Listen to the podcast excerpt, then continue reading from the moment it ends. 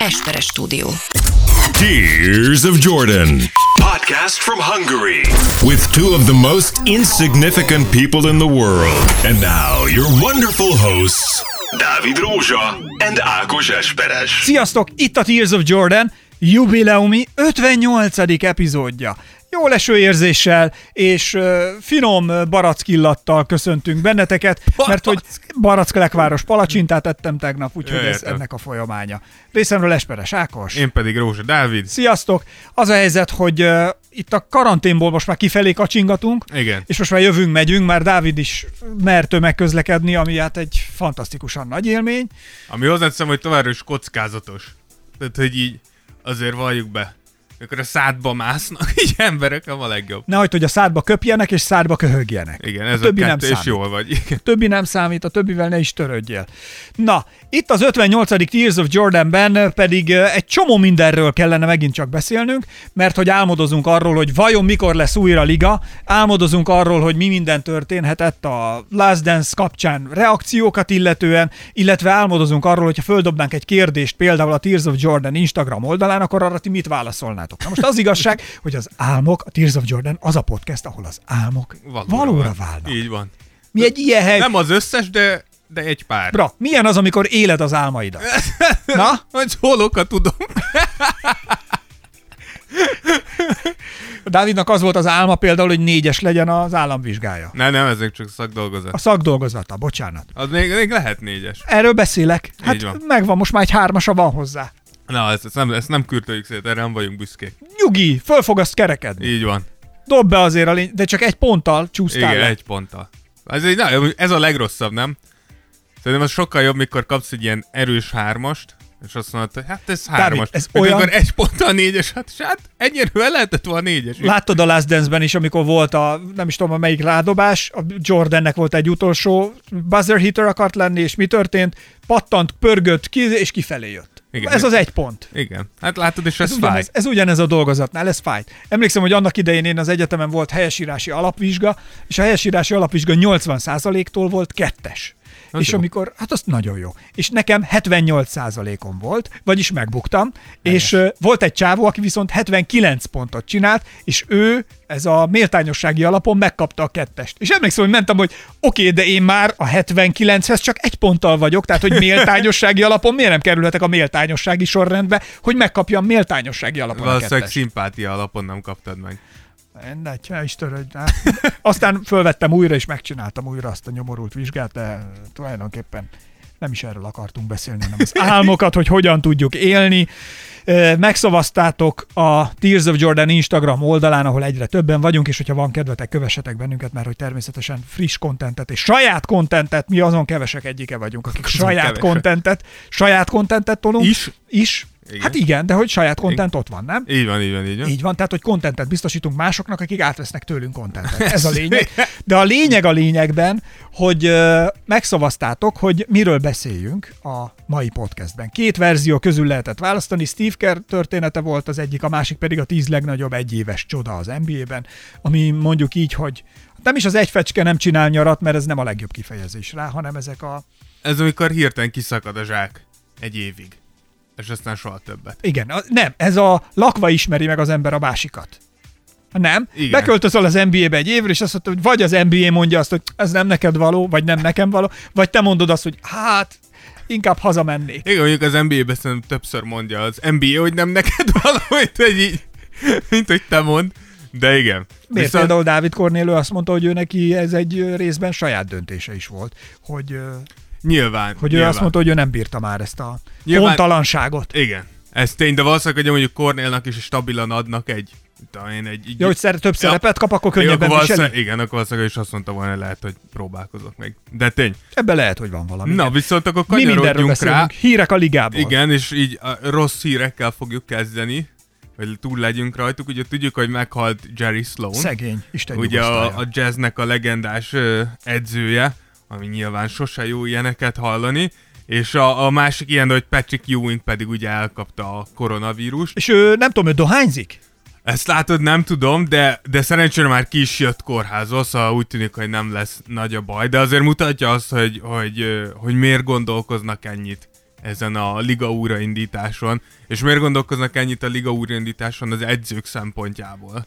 Ugye, hogy azért a legtöbb edző nem 30 éves, Igen. hanem inkább 40-50-60 plusz. Kedvencünket Popovicsot. Popovics például kifejezetten. Durván rizikofaktorban igen. van. Igen, úgyhogy, úgyhogy ez is mutatja, hogy mi, miért, miért akadozik azért. De most már van legalább két dátumunk, és nagyon úgy néz ki, hogy június 15-én, vagy várjál, de június 15-én Igen. fog kezdődni az edzőtábor, és július 15-én pedig elkezdődik a szezon valamilyen formában. Ugye ezt nem tudjuk, hogy... Többféle verzió is van, ugye, hogy milyen Igen. módon futunk ennek neki.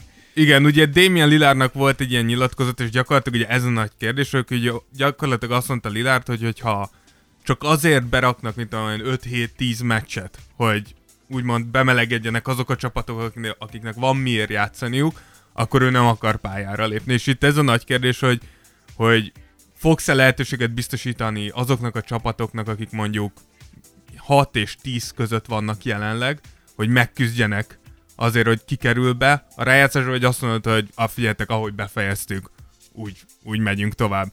Úgyhogy va, állítólag van egy terv, hogy lesz egy ilyen, hát ilyen európai focihoz hasonló ilyen csoportmérkőzéses szakasz, hogy ott eldöntsük, hogy ki be. Ez jó kérdés, hogy, hogy vajon ez megvalósítható-e, van-e elég időre, de hogyha rögtön rájátszásban mennénk le a legjobb 16-os rendszerrel, ami jelenleg most úgy néz ki, hogy ez a legvalószínűbb, akkor amúgy szerintem nagyon jó rájátszás lesz. Ugye, hogyha megnézitek a párosításokat, lesz egy Lakers Brooklyn, ami hogyha mondjuk Kyrie visszajön, Durant ugye nem valószínű, de ha Kyrie visszajön, akkor megnéznék egy LeBron Kyrie csatát. Ha Durant visszajön, akkor meg még inkább megnéznék egy... Én nem is tudom, Durantra már nem tudok mit mondani. Igen, de nem, való, nem valószínű, hogy, hogy visszajön. De most már ő meggyógyult? Milyen Hát- állapotban van? Mik, mik a hírek? Hát ugye azt mondják, hogy nagyjából, tehát hogy 80%-os edzésmunkát végez. Én úgy gondolom, hogy nincs az Isten, hogy ezt megkockáztatják. Minek? Ez egy bolondév. Pláne most. Igen, meg amúgy az hiszem Golden State hibájából tanulva minek? Tehát, hogy nem, nem, kell, nem kell pusolni, de ott, ott lenne mondjuk egy Boston Philly, tudjuk, hogy, hogy a Boston annó kiejtette a Philadelphia-t, érdekes lenne. Lenne egy Doncic Kawhi ellen, vagyis egy Clippers Dallas, a, az se lenne egy, egy rossz matchup. Akkor ott lenne a Miami és az OKC egymás ellen, ugye mind a kettő ezek kellemetlen, ilyen, nyilván van sztárjuk Chris Paul és Jimmy Butler személyében, de kicsit ilyen középutas, kellemetlen csapatok, és szerintem nagyon jó, nagyon jó rájátszás lenne, hogyha így a legjobb 16-tal, ugye leveszik a konferenciákat, nem lennének konferenciák, csak a legjobb 16-ot összeengedni.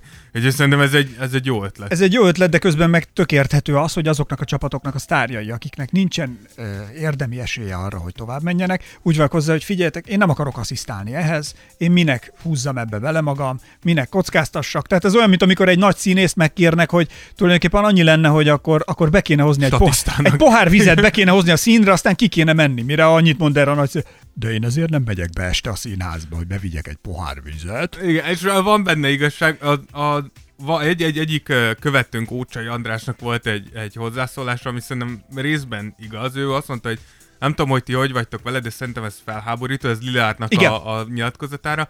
Le, lehet egyébként se jutottak volna be a szörnyen erős nyugaton ilyen sérülés sújtotta csapatként. Akkor is küldte volna az utolsó pár meccset, ha rendbe lemegy a szezon. Egyébként meg egy maximum szerződéssel elég jól fizetett játékos, ha egészséges, igenis játsza le az összes hátralévő meccset, már csak a szerződés és a szurkolók miatt. Hát ebben nagyon van valami. És Ez ebbe ebben igaz- mondjuk nagyon igaza van. Ebbe igaza van, hogy, hogy én értem Lilárdnak a hozzáállását, de rá, hogy így... Ez a munkát. Igen. Igen, igen, igen. Erről tényleg Nem. néha az ember hajlamos elfeledkezni. Igen, tehát, hogy, hogy- bra, meg vagy fizetve, ez a melód. Nem menjél. kicsit, nem kicsit vagy megfizetve. Igen, Tehát, hogy hagyjad a hisztis picsogást. Igen, úgyhogy, úgyhogy egy, egy kicsit én is így vagyok Jó, ez vele, hogy igenis lépjél pályára, nem a mutasd meg, hogy mi lett volna, ha. Tehát, hogy akkor valami más mentalitásod, akkor mondd azt, hogy itt a tíz meccsen felszántom a pályát, és megmutatom, hogy mennyire nem fair, hogy adtatok. Tehát, hogy nem tudom, nekem se a legszimpatikusabb, még ha értem is, hogy miért nem akar most tíz meccsre visszajönni három hónap karanténból, hogy úgymond bohóckodjon egyet. Hát de most ne bóckodjon, szeretsz, ne haragudj, te leültetni, azt mondja, figyelj ide, ne haragudj. Szeretsz kosárlabdázni, Demike? Hát, szeretek. Akkor mi a következő, nincs következő kérdés? Igen. Akkor fogd azt a rohadt labdát, pattogtasd és dobjál egy Hát vagy csak meg menjél. kell neki mondani, hogy jó, akkor a, ahány meccset lejátszanak, annyit levonunk a fizutból. Jó, hogy ez me- is jó. Tehát, hogy lehet, de akkor bukod a pénzt is. Igen. Úgyhogy, ja, akkor nyilván nem mehetünk el a Less Dance úgymond Fú. utórengései mellett. Akkora utórengései vannak, hogy ez már nagyobb rengés, mint a, mikor annak idején a Popocatépetl kitört. Nem egészen értettem, hogy mi tört ki. Hát nem emlékszel a vulkánra, amikor nem, kitört? A... őszintén nem. Nem, a Popocatépetl? Ne, nem is vágom. Tehát a pompomot, semmi, ami póval kezdődik, te nem ismersz. az Tehát a pompomot se, és a Popocatépetl se. Igen. Mondd ki, hogy Popocatépetl. Nem mondom ki, mert nem fogom kimondani. De a lényeg az, hogy tudjuk, hogy nagyon sok mindenkit megsértett Jordan. Ugye Scottie Pippen kifejezetten Ki van mérges. bukva. És Igen, ő- mert azt mondta Pippen, hogy ő negatív színben van feltüntetve, és uh, egyébként tényleg ugye Igaza van. Ki van raga, igen, tehát hogy nagyon, tehát komoly hangsúlyt kapott ugye az a, az a rész, az dominánsan szerepel, amikor ő a Jerry Krause-t tulajdonképpen, hát konfrontálja a buszban, amikor ordítozik Igen. neki hátulról előre, ez kifejezetten negatív, pláne úgy, hogy gondolom ezen később túlléptek. Igen. Valamilyen Ugye- szinten ezt megbeszélték, megoldották, Pippen visszament játszani. Bajnoki cím lett a vége. Tehát, azért mondom, hogy ezt igen. valószínűleg ezen túlléptek, de közben meg a dokumentumfilm szerkesztési elveit figyelembe véve, meg el kell ismernem, hogy drámát csak így tudsz és feszültséget generálni. Ha mindenki jó fiú, abból nem lesz jó film. A film jó lett, a Pippen meg, hát figyelj ide, Igen, ez de- torzítja a valóságot, ezzel nincs mese, nem tudom, mire számítanak. Igen, de, de mellette meg, tehát hogy kicsit, és hozzáteszem, hogy itt nagyon fontos kiemelni, Kendrick Perkins az egyik legkevésbé uh, úgymond kredibilis ilyen szakkommentátor a világon.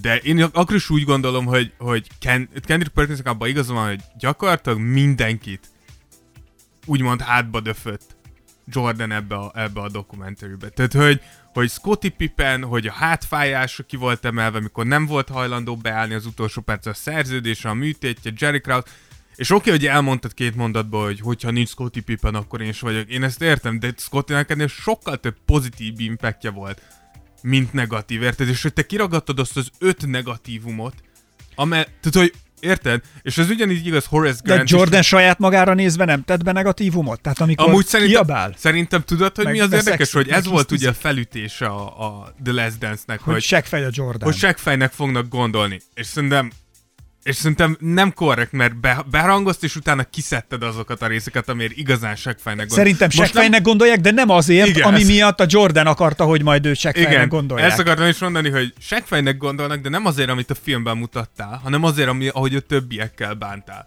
És szerintem ez, és, és most nem játékos karrier alatt, de szerintem ezt engem volt szebb. Ahogy Horace Grantet is bedobtad, hogy biztos ő köpött, érted? Sam Smith, aki írta amúgy a Jordan Rules könyveket, ő is elmondta, hogy amúgy nagyon sok minden ebben a dokumentumfilmben így flat out hazugság.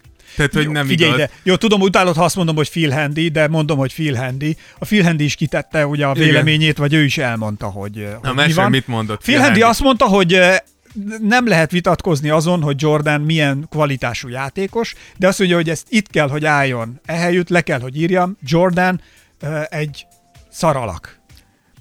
Tehát, hogy egy, igen, azt Igen, mondta, hogy igen. egy rossz ember. Egy rossz ember, igen. Jordan egy rossz ember, de azt mondta, hogy de folyamatos inspiráció volt nekem, ahogy játszott, folyamatos inspiráció volt mindenkinek, az attitűdje, a játéktudása, a fejlődni akarása, ez mind-mind-mind húzta a ligát, a csapattársakat, mindenkit húzott előre, de azt mondja, de itt kell állni, hogy Jordan egy szarember. Igen, szerintem, is itt szét kell választani, ugye a Jordan, Jordan mint játékosban szerintem abszolút nem esett csorba, sőt, szerintem azt a részét növelte, azt a kultuszt ez a film, de szerintem emberileg szerintem nagyon sok mindenki elpártolt.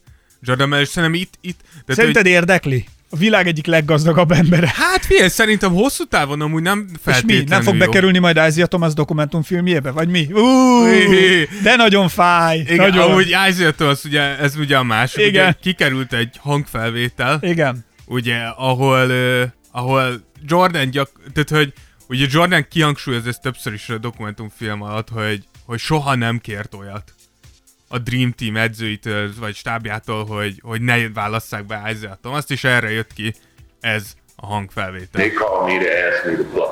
Rockland called me and said, Rock, I won't play with Isaiah Thomas on the team. He assured me, he said, you know what? Chuck that boy, Isaiah.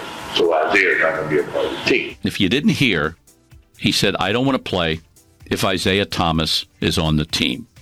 Ennyi a ugye a utónarrációval elmondják, nem a legjobb minőségű Igen. a felvétel, de ugye ez az a hangfelvétel, amit most itt a Tears of Jordanben hallhatatok, az eredeti, ami, ami ugye Jordanről kiszivárgott, amikor ő mondta, hogy ő nem lesz ott, ha Izzy ott lesz. Igen, és, és megint, itt, itt megint ugye nagyon sokan írták, hogy és kit érdekel, meg volt hozzá joga, és hozzáteszem, hogy igen, szerint, szerintem is, és erről beszéltünk már az előző podcastban, hogyha Jordan azt mondja, hogy valakivel nem szeretne együtt játszani a Dream Teambe, akkor valószínűleg ezt az embert nem fogod berakni a Dream Teambe, mert egy normális edzőként végig Persze, hát, És ennyi. De ettől függetlenül... Akkor ne tagadd le utólag. Így van. Akkor viszont, ha tényleg te vagy Jordan, és ennyire leszarod, és az a válaszod erre, hogy akkor menjetek és csináltok meg a saját dokumentumsorozatotokat, akkor ugyanilyen arccal miért nem tudod fel? Van, igen, én mondtam, hogy ne gyere, mert és seggfejnek tartottak, és seggfejnek tartottak, még mindig is nem akartam veled együtt játszani.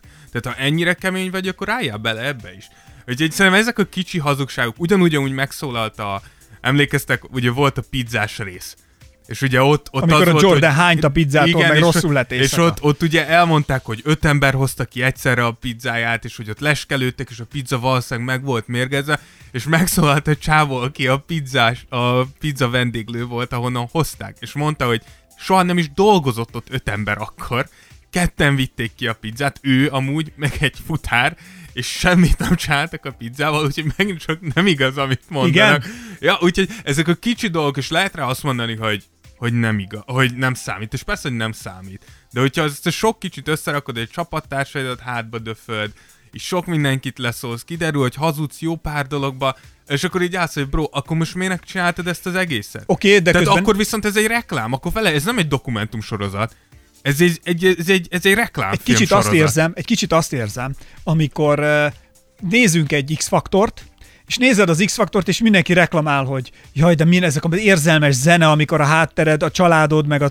sanyarú sorsod, Igen, igen. majd utána mutatják, hogy ragyogsz a színpadon, és hogy milyen csúcsra jutsz, meg mit. Szóval, hogy vedd észre, tehát, hogy ez mind a show business része. Tehát a Jordan azt mondja, hogy dokumentumfilm, rendben, rendben, de ez nem dokumentumfilm, hanem ez ugyanolyan, mint az X-faktor, vagy bármi. Egy film, csak más a nyelv, amin elmeséli a történetet. Ezt a verziót választották. Értem. Én értem, de, de a, tehát, hogy én értem, legyen, de ak, akkor se hazudj be. Tehát, hogy érted, mondok?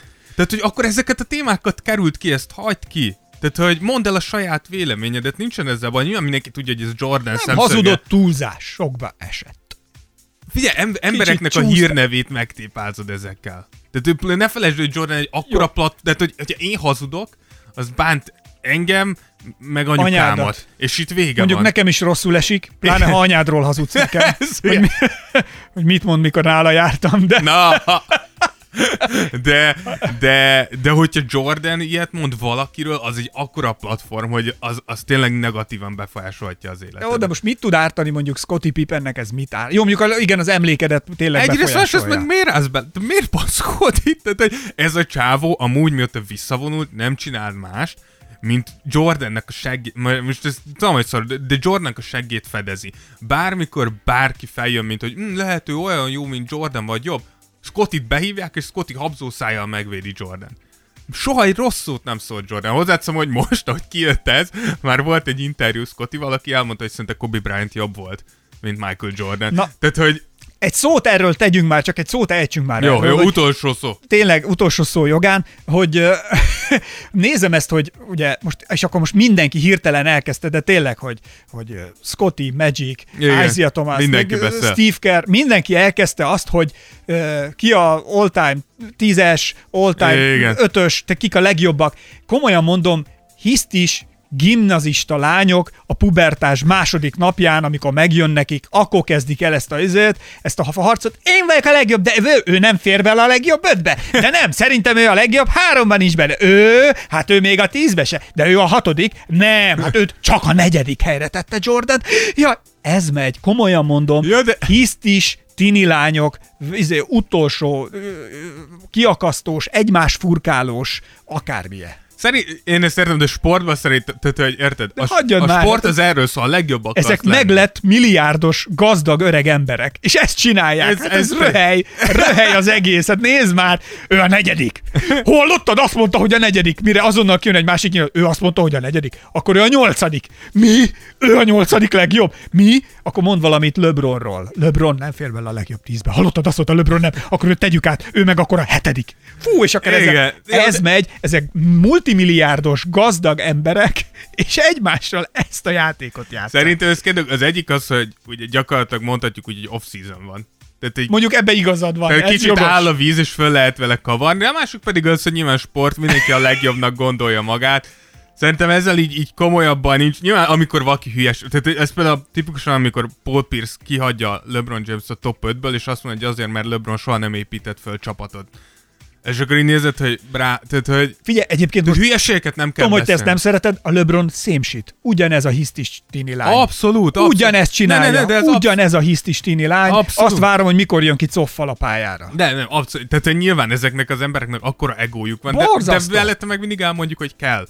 Tehát Kell. ha ennyire jó vagy, és ennyire jó akarsz lenni, akkor kell az ego. Meg hogyha líder akarsz lenni Így ebben van. a csapatban, akkor Így van, és most figyeld, hogy vezettem át. Ugye Jánnis is ehhez hasonló. Ugye neki is volt egy ilyen nyilatkozat, aki Ja, elmondta, hogy, hogy azt milyen tervezi, érzés egy levegőt szívni velem. Ja. Na, igen? hogy az, hogy terve, hogy most nyáron, miután megnyerik a, Ez a nagy duma. bajnokságot, Nagyon nagy duma. akkor fogják a trófeát, és a trófeával együtt el fognak utazni Görögországba Elvisz mindenkit. szigetre, és ott fognak bulizni. és így, ugye ez volt, feltettük ezt a kérdést Instagramon, hogy mit gondoltok, hogy ez van egy kicsit nagyképű, vagy ez még, még belefér ebbe a magabiztos kategóriába. Nem tudom, hogy nálad ez, hogy... Milyen kommentek érkeztek? A, amúgy a legtöbben azt mondták, hogy, hogy ez magabiztos. Tehát nem, nem érezték nagyképűnek ezt, ezt, ezt Jannisztól. Én megmondom, hogy miért jó ez, hogy Jannis ezt nyilatkozta. Egy. Ez egy kicsit fölpiszkálja mindenkiben a tüzet, mármint Igen. az ellenfélben, hogy Nyilván. ja, akkor majd megmutatjuk. Mondjuk Tehát- nem tudom, hogy ez jó, tehát hogy, de tehát, hogy jó csapatok én megmondom, hogy miért tehát, jó. Mert én Ja, nézőként jó. ezt akartam ja, mondani. igen. Én nézőként majd azt fogom mondani, hogy na, akkor dőljünk hátra, jöhet a popcorn, aztán lássuk, hogy megyünk Görögországba, vagy nem. Igen. Tehát, hogy most mi lesz a vége. Plusz, ugye, ha tényleg nyernének, akkor azért bra, kell, igen. szerintem akkor kéne csinálni egy Tears of Jordan zarándok utat Görögországba, az nincs messze. És oda elmenni, az- és akkor ott a ház előtt csinálnánk egy podcastot erről. Amúgy, Mit amúgy po- pont, ezt, pont ezt írta, amúgy a, a grafikusunk írta, hogy hogyha ez így lesz, akkor rengeteg NBA rajongó fog azon a repülőtéren várakozni. Nem a A, repülőtér, meg tudjuk hol van. Meg- meg- meg- ja, Lemegyünk persze. a szigetre, a ház elé, Ja. és akkor ott, oda megyünk és csok, csokolom, Jánisz anyukája, Jánisz lejöhet játszani. És van lesz egy komplet NBA csapat, meg Nem minden. baj. Biztos nem lesznek védve, majd mi csak úgy nem besétálunk. megyünk, tring, és hova jöttél? Mondom, tring, tring, becsengetünk, ez a csengő volt. Értem. Becsengetik, és azt mondom, csokolom, Jánisz lejöhet játszani. Igen. Jánisz anyukája, nem tudom, voltak anyukák, nem? Mentél valaki, ez nem tudtuk, hogy hívjuk az anyukáját, és akkor mint Csókolom. anyukádat nem akkor mindig csokolom, Dávid anyukája, tessék mondani, lejöhet így. Te nem, nem, így így, mondtad? nem szoktátok? Mi, mi, mi csak úgy mondtuk, hogy csókolom. Ákos De nem, amikor voltak játszani? többen, nem, de hát voltak, ha többen, nem tudtad megszólítani, mert csak annyit tudtál, hogy hogy hívják a Ne, gyerekét. Nem, mi tudtuk. Én nem tudom, csomó anyuka De az volt. mindig néni volt. Ki tudja, hogy hogy hívják az anyukákat? Senki nem tudja. Az anyukákat úgy hívják, csokolom, Dávid anyukája, tessék szívesen megengedni, hogy a Dávid lejöjjön játszani. Igen, lehet Jánisz anyukája. Nem jöhet le! nem. Dávid az előbb is beverte a fejét a falba, pukli van a homlokán, hideg késsel kellett lenyomnom. A torkán. Na, Na, de hogyha el, Jannis, na és csak még egy a Jannishoz, és azért jó, mert hogy vizualizálta ezt a dolgot. És szerintem ezzel a képpel, ha azt mondta, hogy megnyerjük a bajnokságot, nem azt mondta, hogy ha, hanem amikor megnyerjük a Igen, ez bajnokságot. a nagy különbség. Igen, nem if, hanem when, Igen. akkor a megnyerjük a bajnokságot, akkor elvisz. És hogy ezt, ha elmondja, az összes csapattársának szerintem a fejében megjelent a kép, hogy milyen lenne együtt bulizni Görögországba Janniszékkal, vagy Janniszéknál a hátsó kertben, és, és hogy milyen jó lenne ezt átélni, vagy megélni. Igen. És szerintem ez egy nagyon fontos dolog, mert te is tudod a sportban, Szentendrénél is azért, amikor a pszichológus foglalkozik a csapattal, Igen. mert hát ugye épp a sitről kijött a fele, de hogy a, Nem, jó, na minden. Szóval na, tényleg, tehát a sportpszichológia is ugye tényleg mondja, hogyha vizualizálod a, a sikert meg a győzelmet, akkor nagyobb valószínűséggel tudod elérni, meg jobban tudsz érte harcolni. Igen, nekem tudod, mi jutott erre eszembe, Na. hogy milyen jó mém, mémek fognak ebből születni, hogyha Jániszék nem nyernek. Ahogy Jánisz ott fog ülni egyedül trófea nélkül sírva a tengerparton. Tehát, persze, nyilván nekünk, nekünk tök jó, mert kicsit így feltüzel mindenkit. Na, és az utolsó, az utolsó ilyen hír, amiről akartunk beszélni, ugye az előző podcastban mondtuk, hogy Zion-t megtalálták egy ilyen, egy ilyen nagyon furcsa perrel, ahol elég sok pénzt követelnek rajta, és csak egyetlen egy fejlemény van, Zion, Zionnek a, a menedzsmentje úgy döntött, hogy beadtak a bíróságra egy ilyen, hát egy ilyen, nem tudom pontosan, hogy kell magyarra fordítani, de egy ilyen védelmi kérvény szerint, aminek az a lényege, hogy hogy ez a nő, amúgy, aki beperelte zion ne tudjon vájkálni Zionnek a, a múltjába, hogy ne tudjon utána nézni, hogy milyen pénzek érkeztek, stb. stb. Ami azért valljuk be, valószínűleg, tehát, hogy valószínűsíthető, hogy akkor azért van vaj a Bizt- füle figyelj, mögött. Biztos, hogy mindenkinek van vaj a fején, és valami van a füle mögött. Kettő Igen. különbség, sem, mindegy. Bocsánat. Csak, semmi baj, csak hogy tud, hogy tényleg valami Igen. ragadjon rád. De, na, szóval a lényeg, hogy mindenki kap, szóval hagyjuk már Ez ezt a valószínű, hülyeséget. igen. Szóval, hogy most pont a Zionben ügyeiben turkálunk. Hát jó, de valószínűleg hogy pont ezért van. találta meg amúgy, hogy múltkor megkérdeztük, hogy valami miért most találta meg Zent, és valószínűleg pont ezért. Mert a legnagyobb halat próbálja meg, de ugyanakkor ezt beszéltük podcastet, hogy az NBA ezt nem fogja engedni. Persze, Tehát nincs védi az a- az Isten, hogy az NBA engedi, hogy Zion elsüllyedjen egy ilyen hülyeségen. Nem, meg védi a saját mundérjának a becsületét, meg Persze. nyilván a játékosáit is. Tehát aki azért egy nagy prospekt a jövőre nézve a, Igen. az NBA-nek. Én azt nem tudom, hogy ilyenre volt már precedens, hogy eltiltottak valakit attól, hogy kutasson valakinek a múltjában. Hát Biz- ez az igazsághoz való jog, vagy nem tudom, hogy ez Hát biztos jó, de, nincs ilyen, de, de va- va- valószínűleg itt, itt valahol a, a személyiségi jogaid és az ő joga az információhoz ütközik. Tehát hogy biztos, hogy nem vagyunk jogászok, ki gondolta volna ebből a fél mondatból, amit most elmondtuk. hát igen, meg a Dávid szakdolgozatából. De hogy, de hogy gondolom valahol ez azért Zionnak is joga van valószínűleg így védeni a múlt, tehát hogy ne tudjon már bár... De mondjuk mellette meg Zion közszereplő, tehát hogy nem tudom. És tudom, hogy van. Érdekes lesz, de ha nem... van közöttetek ügyvéd, akkor írja akkor meg. mindenképpen írjátok meg, hogy ez hogy működik. Vagy ha valaki készül jogi iskolába, Az is írja akkor meg. ő is nyugodtan, és tudja. Igen, csak akkor, ha tudjátok, tehát, De ha nem tudjátok, az is jó, mert Mondjuk, engem érdekel Tehát, hogy többi is. tippeket is. lehet, hogy mit Abszolút, gondoltok. ne hülyéskedj. Tehát csomóan megélnek ebből, az- ebben az országban abból, hogy csak tippelgetnek, semmi más, hogy hát nem is tudom, le, lezárjuk, ne zárjuk, nem is tudom. Kiürítsük ezt a kórházat? Hát figyelj Na. ide, ürítsük, mi bajunk lehet. És tehát, hogy ilyen tippelésekkel megoldják. Na, Na. azt hiszem végigfutottuk gyorsan a nagyobb ö, volumenű történéseket, amik voltak. Izgatottan várjuk, hogy eljöjjön a pillanat, amikor újra startolnak legalább a, a, az, Legalább az edzőtáborok, elő, igen. előtáborok, tehát az edzőtáborok, aztán utána pedig, ha lesz rájátszás, meg párosítások, akkor meg a tornamentet meg már izgatottan mindenki várja. A kérdésünk, ami az volt, hogy Steve Kerr életútját tekintsük át, vagy pedig szeretnétek megnézni, hogy kik voltak a legnagyobb egyéves csodák, akik virágoztak, kivirágoztak az NBA-ben, aztán el is hullajtották a virágokat pici illatozás után, és eltávoztak a NBA hímes mezejéről vissza haza anyuékhoz, vagy valahova máshova, akkor, ö, és ti erre szavaztatok a másodikra, ugye a legtöbben, úgyhogy a legnagyobb egyéves csodajátékosok, akik nagyon nagyra Igen. voltak hivatottak, de aztán nagyon gyorsan. Akiknek valahogy egy évben nagyon jól kijött a lépés, és aztán nagyjából soha többet. Igen, szaladjunk végig, és kezdjük mindjárt akkor az elsővel, Jeremy Lin, ami az ászlóra kerül. Igen, én úgy gondolom, hogy Jeremy Lin, a, mindenki emlékszik a Lin Sanity-re. 2012-13-as ö, szezonról. Gyakorlatilag ez egy... Talán nem is volt egy teljes szezon, Ez 3-4 hét volt igaziból a Lin amikor Sanity. meggyulladt. Igen, de ott, de ott Belülről. így, így felrobbant. Belső égés. Igen. Úgyhogy röviden ugye Lin, Lin amúgy érdekes mondom, hogyha utána néztek, mindig is a, a egyik, a leg, egyik legjobb volt a saját korosztályában. Tehát korosztályos nagyon-nagyon jó játékos volt, és még csak kapott egyetlen ilyen D1-es ajánlatot, ami ugye azt jelenti, hogy a legmagasabb szintű egyetemi programok nem keresték meg, és így került el Harvardra, mert amúgy azt hiszem ilyen 4,6-os átlaga volt, tehát hogy elég okos gyerek is, és Harvardon kezdett el kosarazni, de hiába játszottam úgy Harvardon is nagyon jól, senki nem draftolta le. De mi volt ennek az okadága? Amúgy ez nagyon érdekes, elég sokat néztem utána, és nagyon sokan amúgy tök érdekes módon a rasszizmust kiáltanak Ó. itt. Ugye tudjuk, hogy Lin az, az egy első amerikai, tehát Amerikában született ázsiai Tallaszba még játékos. elvihették volna. De hogy, de hogy, de hogy nagyon sokan azt mondják, hogy valószínűleg azért, azért nem vették észre, mert hogy így van egy ilyen, van, van benned egy ilyen, ö, White supremacy? hát nem is white supremacy, hanem sokkal inkább az, hogy mikor kosarasokra gondolsz, és főleg NBA-re gondolsz, az NBA-nek azt hiszem, ha, ha jól emlékszem erre az adatra, 80%-a afroamerikai, és valahogy úgy van, vagy, vagy 70% és 29%-a, vagy 28 fehér, és akkor van egy kis latino, meg, meg ilyesmi. kis Asian. Tehát, hogy, hogy ázsiai kb. nincsen. Kit, Hát ázsiait azt már beszéltünk. Yao Ming, igen, és így meg Gillianian, és akire senki nem emlékszik, és, és, ja, és izé, Jeremy, úgyhogy... Egyébként Jaóról csináltunk, van egy külön Igen. Tears of Jordan specialünk, úgyhogy az ő életútját áttekintettük, hogy a kínai kommunista párttal hogy került ő kapcsolatban, hogy jutott el Amerikába, hogy került vissza. Szóval visszakeresitek, nem tudom hanyadik, de valahol ott a 20 De legendás az is. 10 valahanyadik legendás Tears of Jordan podcastben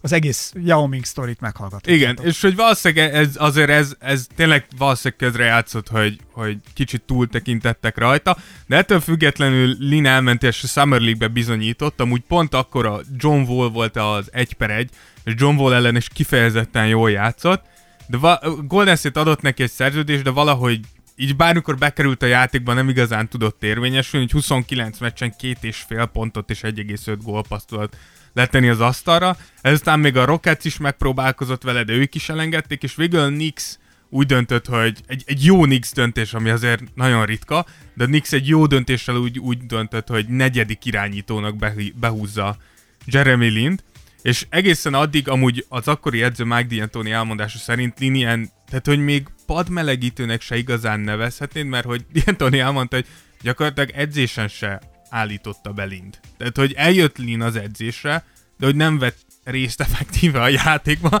hanem csak ott ült, hogyha véletlen valaki megsérülne, akkor így behúzzák, hogy jó, gyere, játsz egy kicsit te is. Úgyhogy itt tényleg nagyon, nagyon az alján volt a rotációnak, nem is vett ki lakásra, nem tudta, hogy mennyi pénze lesz, és így az egyik csapattársának a fotelján aludt, meg ilyenek, meg ott élt igaziból. Ezek ilyen igazi kaland történetek. Igen, Ez olyan, mint amikor az Ed Sheeran ott még mielőtt betört volna és nagy sztár lett volna, ugyanígy aludt a kanapéján Igen. Jamie Foxnál. Igen, hát igen, amúgy igen, hasonló, igen. Úgyhogy 2012. február 4-én jött el Jeremy Linnek a nagy napja, és New Jersey Nets ellen, és Deron Williams ellen, aki azért akkor még tényleg egy hatalmas sztár volt. Egyszer csak hívták a padról, hogy jöjjön, próbálja ki, és Lin gyorsan jött, és így 25 pont, 7 gólpassz és 5 lepattanót így gyorsan oda Berántott. kapott egy all ellen, hogy itt tessék, én ilyet tudok, és itt így, itt így Hát az, elgondolkodtak, hogy az edző az eddig mit nézett. Igen, amúgy Hogy mi van? Mi, mi az, hogy ezt a gyereket eddig csak ültetted? Így néztek rá, és az edző is csodálkozott, hogy mi van vele, valami gombát ettem? Vagy mi, mi történt? Vagy egy gyereke vett gombát? Valaki Lin- itt gombát evett? Lin, te vagy az? Igen. Lin, ez, ez nem te vagy, igaz? Valaki itt begombázott. Igen, úgyhogy a következő meccs, ugye a Jazz ellen me- megsérült Carmelo Anthony, Lin megint 28 pont, 8, pa- 8 gólpasszal, és ezek után És füstölt a pálya, amerre elképesztő. A 26 meccs alatt 18 és fél pontot és 7 és fél gólpaszt A átlagolt. legnagyobbak közé. Igen, mielőtt térműtéttel kiesett. Amúgy érdekes volt egy, azt mondom, az ötödik meccs volt a Linsanity-nek a Lakers ellen, az egy Kobe féle Lakers volt, és megkérdezték Kobit, hogy, hogy mit gondol Linnek a teljesítményére, és igazi Kobe válasz, így, kicsoda? Mm, nem tudom, nem, nem igazán figyeltem Hisztistini lányok megint. Én szerintem ez abszolút Kobe, én ezt nagyon adom. És akkor Lin azt hiszem gurított egy 38-at Azt hiszem meg, Kobe ellen, tehát hogy így és utólag nem kérdezték meg, hogy biztos, Lint, de hogy szerintem, de szerintem, ja, hogy Lint, persze, mit gond, ki az? Kobi? Nem is tudom. Hát azért- Láttam, a szála, szaladgált a pályán egy ilyen szimpatikus figy, le van borotválva a feje. Itt rohangált körülöttem, de á, nem tudom mi volt. Nem, nem hiszem, hogy ilyet, de a mindegy, hogy egy 18 és fél pont, 7,5 gól, gólpasszal így repesztett egy majdnem 30 meccset, és hogy miért csak egy évig tartott Lin, ugye elmondta Mike D'Antoni, akit amúgy később leváltottak, hogy Lin jó lehetett volna a Knicksnek, de akkor ugye még ott volt a Knicksnél Amari, és ott volt Carmelo Anthony, és ugye át kellett volna kicsit szervezni a játékot, kevesebb labda jutott volna Carmeloéknak, és erre egyszerűen melóik nem voltak hajlandóak, sőt, még azt is mondják, hogy amúgy míg ugye nyilvánosság előtt Carmelo így kiállt Lin mellett, és azt mondta, hogy tök jó, hogy itt van, és, és tökre örül, hogy van egy ilyen jó irányítójuk, általában nem egy-két héttel később megkereste a vezetőséget, és megmondta, hogy nem tetszik neki, hogy Lin ennyi figyelmet kap, és hogy ő lett az új sztár, és az új kedvenc, úgyhogy nem szeretné, hogyha megtartaná a csapat. És itt látszik amúgy, hogy na ez, én erre, lányok. én erre sokkal inkább mondom a hisztised, mert elküldeni egy olyan játékost, aki láthatóan segít a csapatodon, azért, mert neked fáj, hogy több figyelmet kap jelenleg, mint te, na ez hisztisség. És ugye utána elkerült Houstonba, és gyakorlatilag... ott a Hardennel hogy jöttek ki? Igen, ugye itt, itt meg kell nézni, hogy Linnek a játék alapjára tűn egy ilyen elzárás leválás játék, tehát hogy ő akkor jó, hogyha a kezébe adod a labdát, és ő szervezi a, a játékot. Ami ugye Harden mellett azért valljuk be elég nehéz, mert Hardennek a játéka, ja várjál, elzárás leválás és szervezi a játékot, tehát hogy gyakorlatilag lehetetlen jól együttműködni. Tegyük hozzá, hogy a legutóbbi infok alapján Harden, ha már itt, itt tartunk, hogy lefogyott öregem. Igen, amúgy Nagyon lefogyott. Én utána néztem, és Harden elvileg tényleg egy ilyen 10, azt hiszem, azt írták, hogy talán 10-15 kilót így ledobott. Brutál. Ahogy nagyon sokan azt írták komment szekcióba, hogy ez tök jó, mert hogy jobban fogja bírni. Nekem amúgy az első, ami eszembe De a jutott... testestelenébe meg majd meglátjuk, Igen, hogy ez mit nekem hoz. az első, ami eszembe jutott, az az, hogy ugye Harden játéka pont arra épül, hogy így dobja magát, hogy ezt Igen. a nagy erős testét, azt úgy tudja oda rakni, ahova akar, és hogy nem biztos, hogy jó, de Mint amikor a vaddisznó átmegy a bozótoson. igen, olyasmi. Hogyha egy igen. természetből ragadott, tehát a gemencia erdő vadvilágából Jézus ragadott hasonlattal keresztem. kellene ezt Igen. a, ezt a jelenséget átadni. Na igen, na minden. Amiről a Dávid mindig mesél. Igen, de a Nem lényeg... tudom, láttad a gemencia erdő anyakocáját, amikor vitte a kismalacokat első sétára tavasszal? Szóval Jeremy- Mindig ezt kérdezi tőle. Jeremy Lin-re visszatérve, ezért nem működött szerintem Houstonba, és utána ugye el, elkerült Lakersbe, ahol Kobival kellett volna, megint csak egy nagyon labdaigényes játékossal, és az utolsó szolid éve az tényleg Brooklynba volt, de 2017-ben ugye az első meccsen szétszakadt a térde, és én úgy gondolom, hogy amúgy ezek a térsérlések azért jellemzőek voltak Linnél, aki amúgy is tényleg nem volt a legatletikusabb ember, és nem volt a leggyorsabb, de ezek a pici sérülések szerintem pont annyira vettek el a sebességével és az atletikusságából, hogy a végén már tényleg azt láttad, hogy egyszerűen nem bír elmenni egy védő mellett, és valljuk be irányítóként, hogyha nem tudsz ütemből megverni senkit, Az akkor... gondot jelenthet. Igen, úgyhogy ez, ez, ez lett Jeremy Linnek a rövid, rövid, rövid életű sikersztoria. Igen. A következő úriemberhez el kell mennünk egészen a 2005-2006-os szezonig, méghozzá Mike Jamesig. Hát az ő története szintén egy izgalmas kaland az NBA-ből. Igen, Mike James ugye egy draftolatlan irányító volt, aki az egyetem után főleg Európában pattogtatott, amúgy nem, nem rosszul. Milyen szépen, Euró, ú, ez a nagyon, fú, Európában pattogtatott. Igen, Ez és, nagyon szép, szép. és 2001-ben kapta meg az első lehetőséget az NBA-ben a Miami Heat-tel. Felnő a Dávid itt mellettem, olyan csodálatos látni a fejlődését. Olyan jó. Szóval a Miami Heat-ben kapta meg 2001-ben a lehetőséget, és Mesélj még. egészen addig főleg ilyen, hát ki, nem főleg, hanem kiegészítő játékos volt, tehát percember volt. És aztán a 2005-2006-os szezon volt az, amikor, amikor tényleg robbantott egyet. Ugye elkerült uh, Torontóba, de Chris Bosh mellé, és ott 79 meccs alatt 20 pontot, 6 gólpaszt, 37 perc játékot és 44%-os triplázást tudott Brutál. felmutatni, tehát hogy hirtelen gyakorlatilag egy ilyen, hát ha nem is all de közel all szinten kezdett el játszani. Beszélik azt, hogy állítólag ez volt az az időszak, amikor megérkezett a magyar kapcsolataink keresztül eh, egy kis törkölypálinka hozzá, és hogy azt, amikor rá cuppant, ezt megtalálta, egyszer csak valami, valami beindult. A magyar törkölypálinka ezt teszi az emberrel az Én NBA-ben. erről nem találtam infót, Nem? de a lényeg az, hogy Mike, Mike Jamesnek volt egy ilyen 79 meccses álmokfutása, és ezután a Minnesota úgy gondolta, hogy akkor most megfogják az Isten lábát egy ilyen irányítóval, úgyhogy le is igazolták, úgyhogy Mike innentől kezdve egyszer tudott még 10 pontot átlagolni, és a következő 8 évben még 5 csapatban fordult meg, de soha nem tudott ehhez közel kerülni. Amiért szerintem Mike Jamesnél ez egy év volt. De miért? Ez az, hogyha megnézed a 2005-2006-os Toronto Raptors keretét, akkor gyakorlatilag ugye Chris Bosh nyilván all volt, és ő tudott magának kreálni, de nem volt egy periméter játékos, aki a többieknek tudná szervezni a játékot, és bontani tudná a védelmét. Az akkori Raptors keretéből megnézed az irányítókor, ott, ott volt José Calderon, aki akkor még újonc volt, nyilván nem akkor kezdte el megváltani a világot.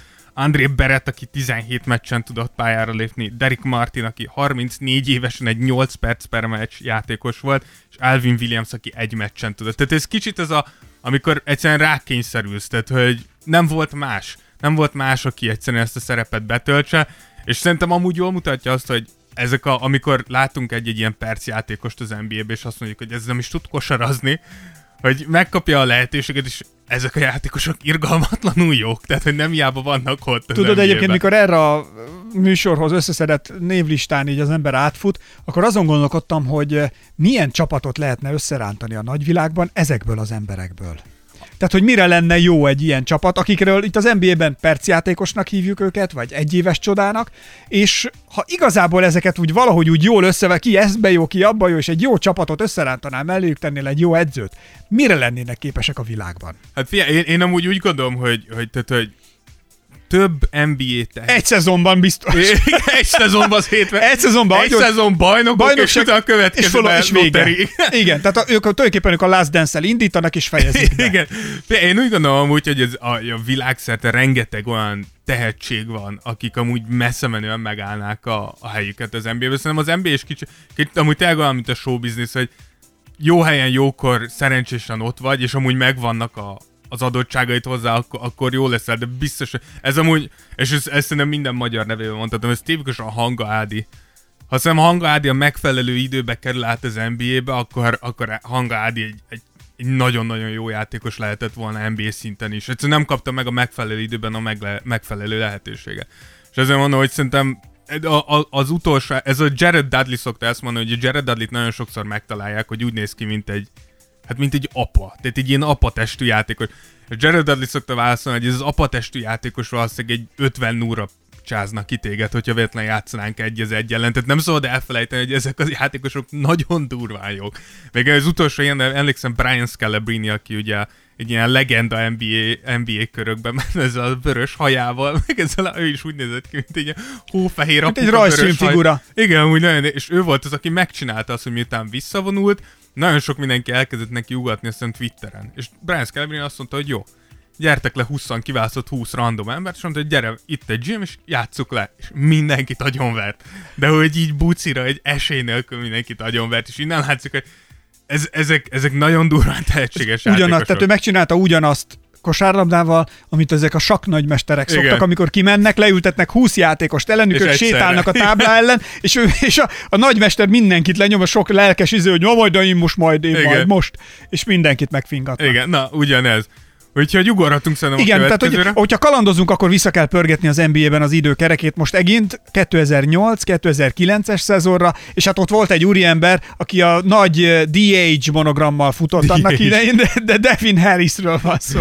Igen. Devin Harris sz- szerintem talán ezen a listán a, a legjobb játékos abban a szempontból, hogy neki ezen az egy éven túl is azért egy elég produktív karrierje volt Na nézzük meg, mi NBA-ben. minden van az ő indulásában. Igen, ugye Devin az első négy évét a Dallasnál töltött, és tényleg is szépen, szépen fejlődött fölfelé, harmadik évére kezdő lett, negyedik évén már 14 pontot, 5 gólpaszt átlagolt, és aztán a Mavs úgy döntött, hogy más irányba mennek, és behozták Jason Kiddet, ugye a New Jersey Nets-től, ami ugye tudjuk, hogy így, így visszatekintve azért egy jó döntés volt, mert azért- 2011-re ennek meg lett a igen, gyümölcse. bajnoki, baj, és azért Jason Kidd annak egy tevékeny részese volt, azért a LeBron James elleni védekezését a máig, máig is a rémálmaimba fel, felmerül, ahogy Jason Kidd megfogja LeBron James-et, tehát hogy azért az fáj. LeBron James hisztizik is miatta azóta. Fé, Az, az, az, tényleg, az, nem volt egy, az nem volt egy szép pillanat, de az kellett. Az volt az a mélypont, ahonnan föl tudott jönni. Na mindegy. De a lényeg az, hogy elkerült a New, New Jerseyhez, és az első az első te- teljes éve volt a 2008-2009-es, ahol rögtön 21 pontot, 7 gólpaszt, 3 lepattanót, és rögtön, átlagot is rögtön all is lett, és abszolút mindenki úgy gondolta, hogy, hogy, Hogy itt most valaki van. igen, tehát hogy megvan a, a, a, a következő alapköve a, a New Jersey-nek, mert volt 38 pontos meccse Ellen Iverson ellen, 47 pont a Suns ellen, sőt, mikor összefutottak a Dallasszal, akkor 41 pontot és 13 gólpaszt produkálta volt csapata ellen, és még a, a Netsnek a szurkolói elkezdték azt kiabálni, hogy Thank you, Cuban. Thank you, Cuban. hogy így. Szóval, hogy tényleg mindenki úgy gondolta, hogy Devin Harrisnek ez kellett, ez volt az a löket. De Úgyhogy- Dávid, Mondjad. vajon miért csak egy év? Figyelj, én, én úgy gondolom, hogy, hogy Devin Harrisnek a, a tehát, hogy ez, ez megint, hogy ugye akkor még a, a, a Netsbe bent volt Vince Carter, akiről szintén csináltunk amúgy nemrég Így van. Úgyhogy azt is nyugodtan keressétek vissza, de bent volt még Vince Carter, és, és tudjuk, hogy nagyon nagy különbség az, hogyha van egy, egy sztár, és, te, és ez csúnyán hangzik, de ez, annak a sztárnak a farvizén sokkal kevesebb figyelemmel tudsz, tudod a saját játékodat játszani. És ugye a következő szezon... Igen, mert át kell állnod arról, hogy saját játékot játszol, vagy egy kiszolgáló játékot Így van, játszol. pl- plusz a tetejében, hogyha mindenki Carterre figyel, akkor könnyebb azért 20 pontot. Nem azt mondom, hogy könnyű, de könnyebb 20 pontot összeszedni, miközben Carter éppen szaggatja le a gyűrűket körülötted, mert nyilván arra fognak főleg figyelni, hogy valahogy ezt az embert próbáljuk meg megállítani, nem arra, hogy Devin Harris éppen mennyit dob. És a következő évben, hogy a Nets spórolni akart, és elcserélték Cartert, és akkor Thank you, Cuban. igen, elő, az gyorsan elhalt. Ugye előkerült Devin Harris, ő kellett volna legyen az első opció, és, nem, és ez nem lesz vás, de egyszerűen Devin Harris nem volt annyira jó játékos, hogy, hogy, hogy első opcióként ugyanúgy megállja a helyét. De hozzáteszem tényleg, hogy utána meg megfordult Utahba, Atlantába, Denverbe, és visszatért Dallasba is, és egy abszolút, abszolút jó padjátékos, egy jó veterán volt, de soha többet nem tudott all szintre felérni. Hát igen. Na mindegy, kalandozunk gyorsan tovább. Jó, jöjjön a negyedik játékos. Jó. Lehet, Dávid? Hogyne. Hogy érzed? 2009-2010-es évad az NBA nagy legendás korszakából. és az úriember pedig nem más, mint a híres Johnny Flynn. Igen, Johnny Flynn, aki, akit nagyon sokan szoktak ugye Bassnak ilyen a legnagyobb ilyen buktának nevezni a, az NBA-be, és ez leginkább azért, mert olyan játékosok előtt mellett választották ki, mint Steph Curry, James Harden, DeMar DeRozan vagy Drew Holiday. Tényleg olyanok, mint amikor a színművészetéről kijönnek ilyen osztályok, van egy legendás osztály, és akkor fú, hogy ők milyen jók. És ez ugyanez, hogy fú, emlékszel arra a legendás draftra, hogy kik jöttek ott ki, és föltűnt valaki más is, egy Johnny Flynn. Ugye, amúgy, a, a, am, amiért szerintem ez nagyon fájhat, és főleg Minnesota szurkolóknak, hogy tehát, hogy kiválasztották Ricky Rubiót azon a drafton, a Minnesota, egy irányítót, majd a következő pikkel kiválasztották Johnny Flint, egy irányítót, mielőtt kiválasztották volna Steph Curryt, egy irányítót. Tehát, hogy egy hajszállal voltak attól, hogy megfogják az Isten lábát, és az egyik val volt legjobb játékos kihúzzák, de ők Johnny Flint. Mindegy, fel, felrek legyünk, Ezt honnét tudod előre, Dávid? igen, tehát, Tehát, hogy, hogy én, én úgy egyébként ugyanúgy bennem van a Zionnel is kapcsolatban, hogy ugye most néztük, mekkora felhajtás Ja, volt az egész, és mi van akkor, ha csávó nem fog akkorát robbanni, mint amekkorát várnak tőle. Tehát most ezt most ez így, a draftnak a szépsége. így van, most végig tudjuk nézni, hogy Zion valóban az lesz, vagy nem. Mert nézd meg, ezeknél a játékosoknál is voltak olyan megvillanások, hogy hú, Zionnál is voltak olyan megvillanások, hogy hú, de még nem tudjuk, hogy mit bír Ja, egy húzamosabb, hosszú távú terhelésre esetén. Igen, de, de hozzáteszem, hogy Johnny, tehát amikor a draft előtt Johnny Flynn tényleg egy, egy magasabban értékelt játékos volt, mint, uh, mint Curry. Jobb volt a középiskolai karrierje, jobb egyetemen játszott, Karrierje. nehezebb, do- karrierje, igen. Nehezebb div- divízióba, és tényleg egy, egy jobb, jobb NBA prospektnek tartották. Ugye mindössze 183 centi volt, de nagyon gyors, nagyon atletikus volt. Megnéztem amúgy ilyen, uh, ilyen scouting riportokat, összehasonlítottam Curryét meg Johnny Flynnét akkoriban, és van egy ilyen 100 pontos értékelési rendszer, ugye 10, 10 szempontból egy 10-es skálán értékelik Igen. őket. És Johnny Flynn minden, minden ilyen oldalon 90 és 95 pont között kapott, míg elég magas. míg Steph inkább, inkább ilyen 90 körülieket. Szóval, hogy minden jel arra mutatott, hogy Johnny Flynn jobb lesz. Ettől függetlenül nyilván furcsa behúzni Ricky Rubio mellé Johnny Flynn, na mindegy, de az első éve tényleg jól sikerült, 13,5 pont, 4,4 gólpasszal fejezte be a szezon, és tényleg egy ilyen egy ilyen pici energiabomba volt, és tényleg azt láttad, hogy ez erre felé megy a liga, tehát egy jó húzás volt. És a Johnny Flynnek a tragédia az, hogy volt egy, egy kicsi csípősérlése. Tehát, hogy úgy gondolták, hogy igen, megsérült a csípő az első szezon végén, de nem lesz igazán nagy baj belőle. És itt rögtön rákanyarodhatunk, hogy miért egy évig tartott. És szerint itt, itt rá akarok utalni Isaiah Thomasra, nem a nagy legendára, hanem a mostani ligában lévő Isaiah Thomasra. Ugye ő is Bostonban volt egy éve, mikor MVP volt. Csak azért hoztam Isaiah Thomas, mert ő is hasonlóan alacsony játékos, és a, a gyorsaságára építette az egész játékát. És ha emlékeztek, Isaiah Thomasnak egy csípősérlése volt, és mindenki azt mondta, hogy nem olyan komoly, nem lesz belőle baj. És látjuk, hogy Isaiah Thomas azóta nem tud visszatérni, és az egyetlen indoka ennek az, hogy egyszerűen nem tud már olyan gyors lenni. És hogyha 180 centi vagy, és nem vagy gyors, akkor ebbe a ligában Akkor nincsen vagy? keresni Akkor mi vagy? Vagy nem vagy olyan shooter, mint Curry. Tehát, hogy valamelyik játékos. És Johnny flynn pontosan ugyanezt történt. A következő évben visszatért ugyan a sérülésével, de 13,5 pontra leesett 5 pontra a pontátlag, és egyszerűen nem tudott pont, tehát nem tudott érvényesülni többet a pályán, és a következő két évben 29 meccset még lejátszott két csapatba, és utána így, így végleg kikapott az NBA-ből. Igen, na Úgyhogy- jó van. Kanyarodjunk gyorsan a 2013-2014-es évadra, Dávid. És Michael Carter Williams. Michael Carter Williamsre, hát az viszont egy csoda sztori. Igen, Michael Carter Williams ugye egy újabb irányító, akinek az újonc éve jól sikerült. Me- amikor Michael Carter Williams jelentkezett a, a draftra, akkor azért tehát, hogy pont annyian utálták, mint annyian szerették. Akik szerették, ugye úgy gondolták, hogy itt van egy 196 centis irányító, aki jól szervezi a játékot, átlát mindenki fölött, védőoldalon, potenciál van belőle, jól passzol, És akik utálták, azok pedig úgy gondolták, hogy itt van egy magas, nem atletikus, dobni nem tudó, és önmagának te, helyzetet teremteni nem tudó irányító, tehát hogy semmit nem tud, amit, ami kéne ebbe a modern ligába. Úgyhogy ennek ellenére, hogy a Sixers kiválasztotta a 11. helyen a drafton, fontos, hogy ez az a Sixers volt, a, a, amikor elindult The Process, de ez a, Trust the process. igen, ez annak a processnek volt a nagyon eleje. Tehát ez így az első évek a, a, a processnek. Tehát egy nagyon-nagyon rossz csapatba került be Michael Carter Williams. Ettől függetlenül a bemutatkozásnál pont LeBronékkal futott össze azzal a, a Miami hittel LeBron Wade Bosch féle Miami, és Car- Carter Williams nem is, nem is vesztegette az időt, 22 pont, 12 gólpassz, 7 leppanó és 9 szerzett labda.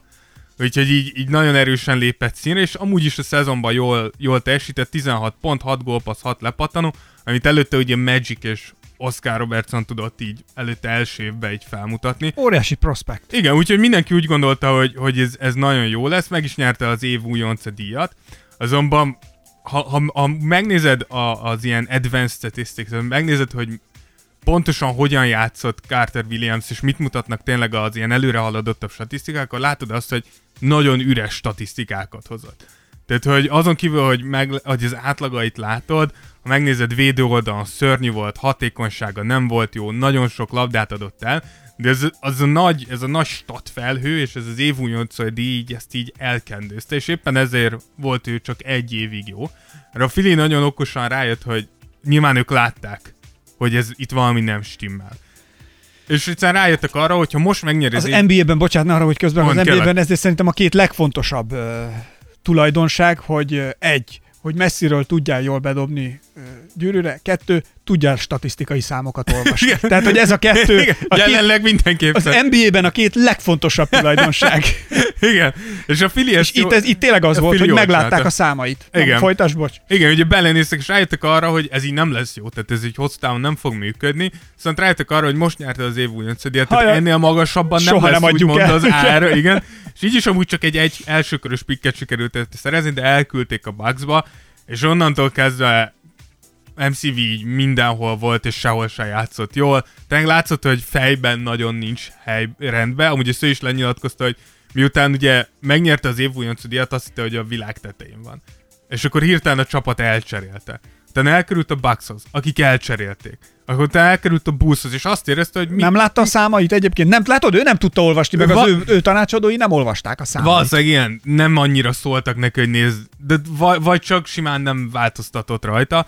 Úgyhogy azóta nem nagyon láttunk jó teljesítményt tőle. Most az Orlandóban én úgy gondolom, hogy viszonylag jól teljesített egy limitált szerepben, limitált percben, úgyhogy lehet, hogy ez lesz amúgy az ő jövője, nem itt évújoncolja, meg 20 pontok, hanem tényleg megtanulni, hogy az a 10-15 perce hogy tudok hatékony. a leghasznosabb lenni. a van. csapatban. Maradjunk még ebben a szezonban, ebben a 2013-2014-es szezonban, mert azért volt ott egy csávó, aki nem tudom, hogy, de ő is mintha egy ilyen nagy egyéves fellángolással mutatkozott Igen. volna, úgy hívják, hogy Lance Stevenson, és hogy, hogy azért az ő kalandja is egy izgalmas sztori. Igen, ugye Make Them Lens, Make Them, make them Dance Lens, ugye Lance Ez a Stevens- Last Dance Lance. Igen.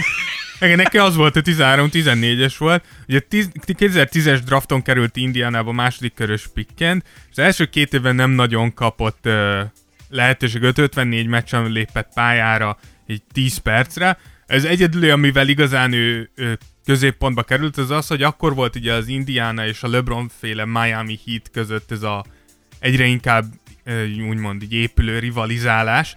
Ugye az, egy- az egy nagyon-nagyon jó Indiana Pacers volt amúgy, és a- emlékszem, hogy volt, már nem emlékszem melyik meccs volt, de volt egy meccs, amikor LeBron el, elrontott egy, egy tényleg fontos büntetőt, és akkor Lance ott az oldalvonal mutatta ezt a choke sign-t, ugye ez a, amikor Mint valaki... ha megfojtanál valakit. Igen, mint ha valakit megfojtanál, hogy LeBron ugye amikor nagyon kell, akkor nem tud teljesíteni, és ezért a következő meccs, amikor beküldték Lance-et az utolsó percben, akkor, akkor a Miami beküldte Dexter Pittman, aki egy szerény 130 kilós center volt, és látszott, hogy egyetlen egy cél van valahogy megbüntetni. És hogy őt semlegesítsék. és- Igen, úgyhogy amikor Lance elkezdett befutni egy lepattanóért, akkor Dexter Pittman, de tényleg minden túlzás nélkül beleugrott könyökkel a, a torkába. Tehát, hogy így az, az ember így nem is, nem is nézte a labdát, azt nézte, hol fut Lance, és hol fog könyökkel így rádurrani a torkára.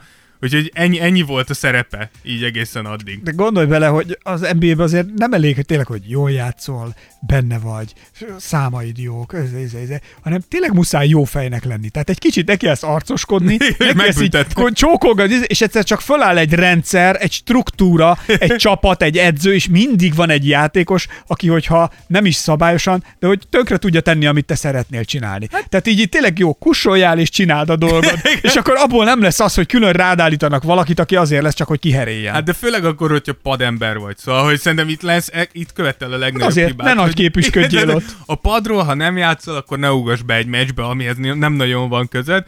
De ennek ellenére 2012-13-ban ugye Danny Grangernek a szezonját és gyakorlatilag a karrierjét tönkretették a sérülése, és ezzel megnyílt az út Lance előtt, aki ki is használta ezt, ez a 2012-13-as szezon ez szolid volt, de a következő 13-14-es szezon miatt került ide, ugye akkor 14 pontot, 7 lepattanót, majdnem 5 gólpaszt ö, ö, átlagolt, és tökéletes kiegészítő volt Paul George és Roy Hibbert mellé. Nagyon sokan amúgy azt gondolták, hogy all is kéne lennie, és amúgy egy érdekes statisztika, amit találtam, hogy akkor Lance volt abban a szezonban a legtöbb tripla-duplával rendelkező játékos 5 darabbal. Csak hogy me- mekkorát változott a liga. Igen. Érted, hogy, hogy Lance 5 darabbal 2013-14-ben ő volt a legjobb, és közben nem sokkal később Russell Westbrook három éven keresztül tripla-duplát átlagolt. Azért így, na mindegy, de hogy ez is mutat, hogy akkor lesz egy nagyon És egyedi... Körit akkor most még nem említetted, hogy most ő, Igen. ő, ő miket átlagol Igen, most. tehát hogy így, így, így, így nagyot változott ilyen rövid idő alatt is a liga, és a rájátszásban kikaptak ugyan a hittől, de a Pacers beajánlott Lance-nek egy 5 éves 44 millió dolláros szerződés, és Lance nagyon okosan úgy döntött, hogy ez nem. Én ennél sokkal többet Ez egy érek. okos, bölcs döntés volt. És valószínűleg közel lehet ennek Dávid ahhoz, hogy ő egy évet élt meg Tisza Virág Igen, munkájával az NBA-ben? igen, mert ő úgy döntött, hogy én ennél többet érek meg, majd aláírt három évre 27 millió dollárért a Charlotte-hoz. Ez hülye. Igen, ugye ehhez hozzátartozik, hogy az Indiana visszavonta egy idő után az ajánlatát. Tehát megmondták, hogy ezt elfogadod, vagy akkor mi ezt, ezt nem fogjuk többet beajánlani. Ez nem volt a legjobb döntés, de et, ez, ezek után tényleg Lance meg se tudta közelíteni az Indiánában mutatott játékát.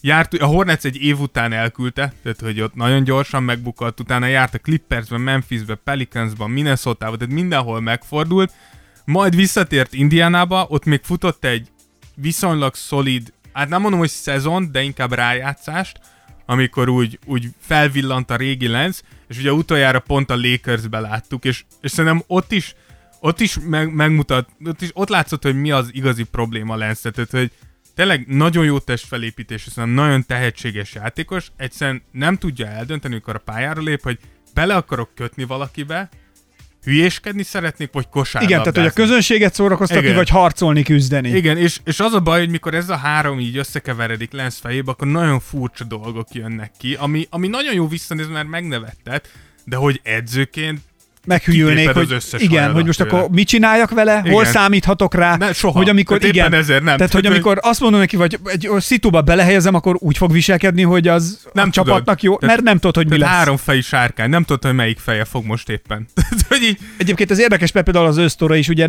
tehát egy, egy jó éve volt, el nem tűnt az NBA-ből, de egy másik polcra került nagyon hamar. igen, most pedig már eltűnt. Hát Igen, tehát, úgy hogy- értem. Igen, igen. tehát hogy ez amúgy szerintem nagyon sok játékosnál így van, hogy mikor így egy, van egy nagyon jó éved, akkor szerintem amúgy, és erről csomószor szoktunk beszélni, hogy ott kell igazán egy sportpszichológus, vagy valaki, aki, aki segít, hogy fejben ezt így ezt Hát, így hogy jó kezeld, emberek hogy- vegyenek körül. Igen, tehát, hogy ott vagy, de hogy, de hogy az, hogy ott vagy, nem azt jelenti, hogy mostantól így vége, és Tehát, hogy onnantól, tehát tulajdonképpen ott van az, amikor beteszed a lábad az ajtóba. Igen, és most És kéne elkezdeni Így gürizni. van, és most kéne elkezdeni azt, hogy vállal neki feszülsz az ajtónak, hogy kinyissad résnyire, hogy be is férj a Igen. szobába, és ha befértél a szobába, akkor észreveszed, hogy ott olyan csávok vannak, akik szintén benyomták az ajtót a lábukkal, tehát hogy a, a jók között is a legjobbak. Igen. És akkor ott kell valamit mutatni, és az már kegyetlen. Tehát ez Igen. amikor ez a görbe, ugye a sikeresség görbéje is, hogy nagyon sokan vannak, akik ugye az alacsony szinten jól teljesítenek, és hogy haladsz följebb, egyre szűkül, csúcsosabb lesz ez a görbe, egyre kevesebben vannak abban a sapkában, és egyre kiélezettebb a harc. Aztán, ahogy jössz vissza le a másik oldalon, szintén ugyanez. Igen, és Lens sajnos lejött a túlsó oldalon. Le. Úgyhogy ő, ő már nincsen sajnos a ligában. A, a legnagyobb bánatomra én élveztem a játékot. Nem a Lakersbe, de amúgy élveztem. De egy, egy olyan 8 évet menjünk vissza a ligában, körülbelül. Tehát megint oda a 2000-es évek közepére, Jó. 2005-2006-os, és ott volt egy csávó, ez a Jerome James, hogy ő, vele mi van. Igen, hogy Jerome James már megemlítettük amúgy egy korábbi podcastünkben, a, ami James Dolannek a New Yorki rémuralmával foglalkozik, ezt is vissza tudjátok hallgatni. Ugye Jerome James soha... Egy nagyon izgalmas podcast volt, Igen. ez egyébként jót vitatkoztunk. Igen. Ugye Jerome James soha nem volt egy produktív játékos, ez, ez nagyon fontos leszögezni, hogy, hogy Jerome James így 5.4 lepattan, nagyjából ez volt az ő karrierje, és aztán a 2006-os rájátszásban ez 11 meccset jelent. Amikor megérkezett a magyar törkölypálinka. Igen. Mi történt, Dávid? Mondd meg! Egyszer csak megtátosodott, És? és, és 12 és fél Tessék. pontot, 7 lepattant és két blokkot nagyjából így átlagolt 11 meccsen. Bocsánat, igen, tehát 11 meccs, ez, na, ez fontos, tehát hogy itt egy éves csodákról beszélünk. csíroszt tettél, vagy mi ez? Gyíroszt. Csúroszt. Gyíroszt. De hogy, hogy, tehát, hogy Jerome Jamesnek 11 meccs jutott, de James Dolan és a Knicks úgy döntött, hogy ez igen. Ez az a center, aki kell a Knicksbe, úgyhogy azonnal hozzávágták egy 5 éves, 29 millió dolláros szerződést, mert azt mondták, hogy aki 11 meccsen így tud játszani, az mindig így tud játszani. Úgyhogy Jerome James ezt megköszönte, elfogadta a szerződést, következő évben két és fél pontot és másfél lepattanót átlagolt, és négy év alatt 90 meccsen tudott szerencsétlen pályára lépni rengeteg sérülése miatt.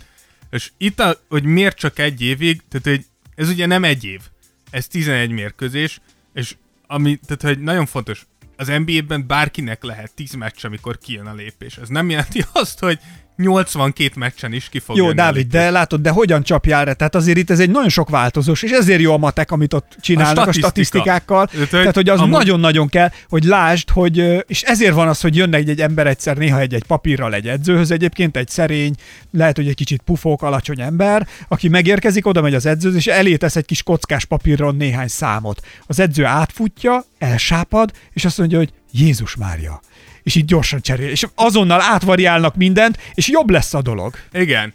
Amúgy, ne, amúgy te, amúgy És játékosok nyakát szegik egy-egy ilyen áttekintés amúgy után. vicc nélkül, amúgy tényleg ez tényes való, hogy a 2000-es évek közepe után, 2010-es évek után kezdett el ez a, ez a, ezek a a statisztikáknak a tényleg a mély analízise jobban elterjed, és ez amúgy tényleg nagyon sok játékosnak a karrierjébe Abszolút, került, abszolút. mert megmutatta azt, hogy mi az, amikor üres statisztikákat dobálsz föl, és mi az, amikor tényleg hatásod van a játékra. És nagyon sok játékosnak amúgy megnyitotta a kaput, amúgy pont a, Igen, egyébként ebben jó, az, az, a, az a jó része, amikor ha okos a menedzsment, és Így tudja van. azt, hogy mit kell csinálni, akkor azt mondjuk, hogy oké, oké, de a csávó ezen a területen rendben van, itt viszont akkor most álljunk neki, és, és a csávó lehet, hogy nem is értett, hogy mi a faszért csináljak én ilyeneket.